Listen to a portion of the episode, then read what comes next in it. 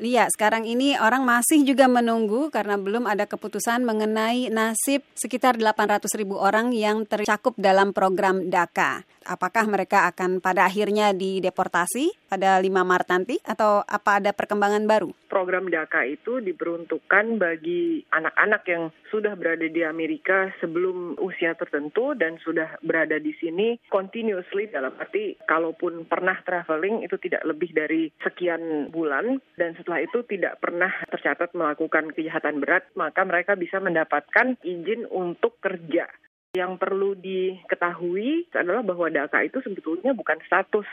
Jadi tidak memberikan perlindungan atau tidak memberikan legalitas bagi seseorang untuk dapat tinggal di sini. Ya, tetapi argumentasi mereka adalah mereka sudah berada di sini lebih dari 10 tahun, mereka bersekolah di sini dan kemudian dengan adanya izin kerja mereka akhirnya bisa bekerja setelah selesai kuliah. Mereka merasa ini adalah negara mereka. Bagaimana ini dengan situasi seperti ini? Kalau saya akan menjawab itu dari sisi hukum ya, karena kalau secara personal atau dilihat dari sisi kemanusiaan itu bukan hak saya untuk memberikan komentar dan rasanya ya. nggak kapasitas saya sebagai pengacara ya Betul. untuk mengatakan oh ini harus begini atau ini harus begitu gitu. Nyatanya banyak anak-anak yang bukan pilihan mereka untuk berada di sini kalau untuk kasus-kasus orang Indonesia yang pernah saya temui, mereka memang tidak mempunyai status.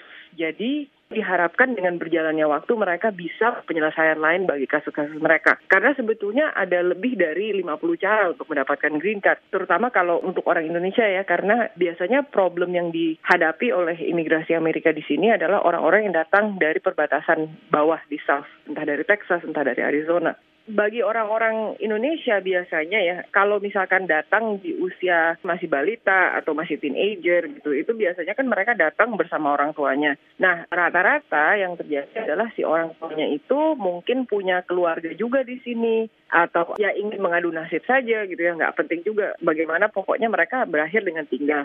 Secara historik program DAKA itu ditargetkan untuk orang-orang yang awalnya itu cross the border. Anda juga mungkin menghadapi beberapa orang Indonesia yang akhirnya meminta bantuan Anda. Apa yang bisa Anda sampaikan kepada mereka? Situasi orang Indonesia mungkin agak berbeda dengan target awal dari program data itu. Let's say anak-anak datang, bahkan mereka sekarang sudah usia 25 atau apa dan mereka bahasa Indonesia saja tidak bisa. Betul. Apakah secara kemanusiaan benar atau tidak untuk dibiarkan tinggal di sini tapi takut ke deportasi atau lebih baik pulang saja itu kan si malangkama ya. Iya. Tapi sejalan dengan berjalannya waktu, ini dari pengalaman saya juga melihat dari orang-orang yang pernah memegang TPS ya atau Temporary Protected Status itu, terutama dari negara-negara misalkan seperti El Salvador, Honduras. Biasanya dengan berjalannya waktu itu akan ada rilis lain yang available untuk mereka.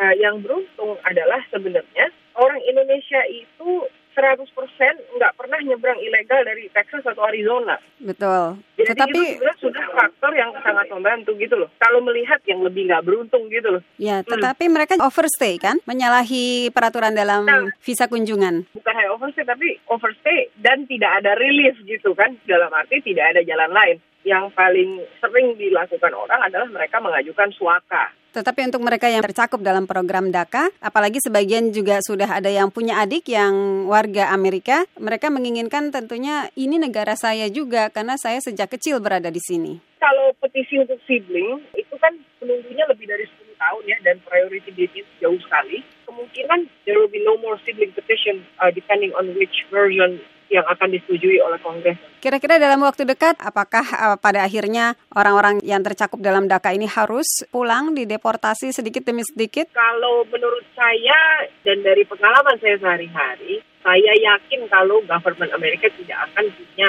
kapasitas untuk itu. Lalu yang kedua, mungkin bukan prioritas untuk menindak para pemegang DAKA.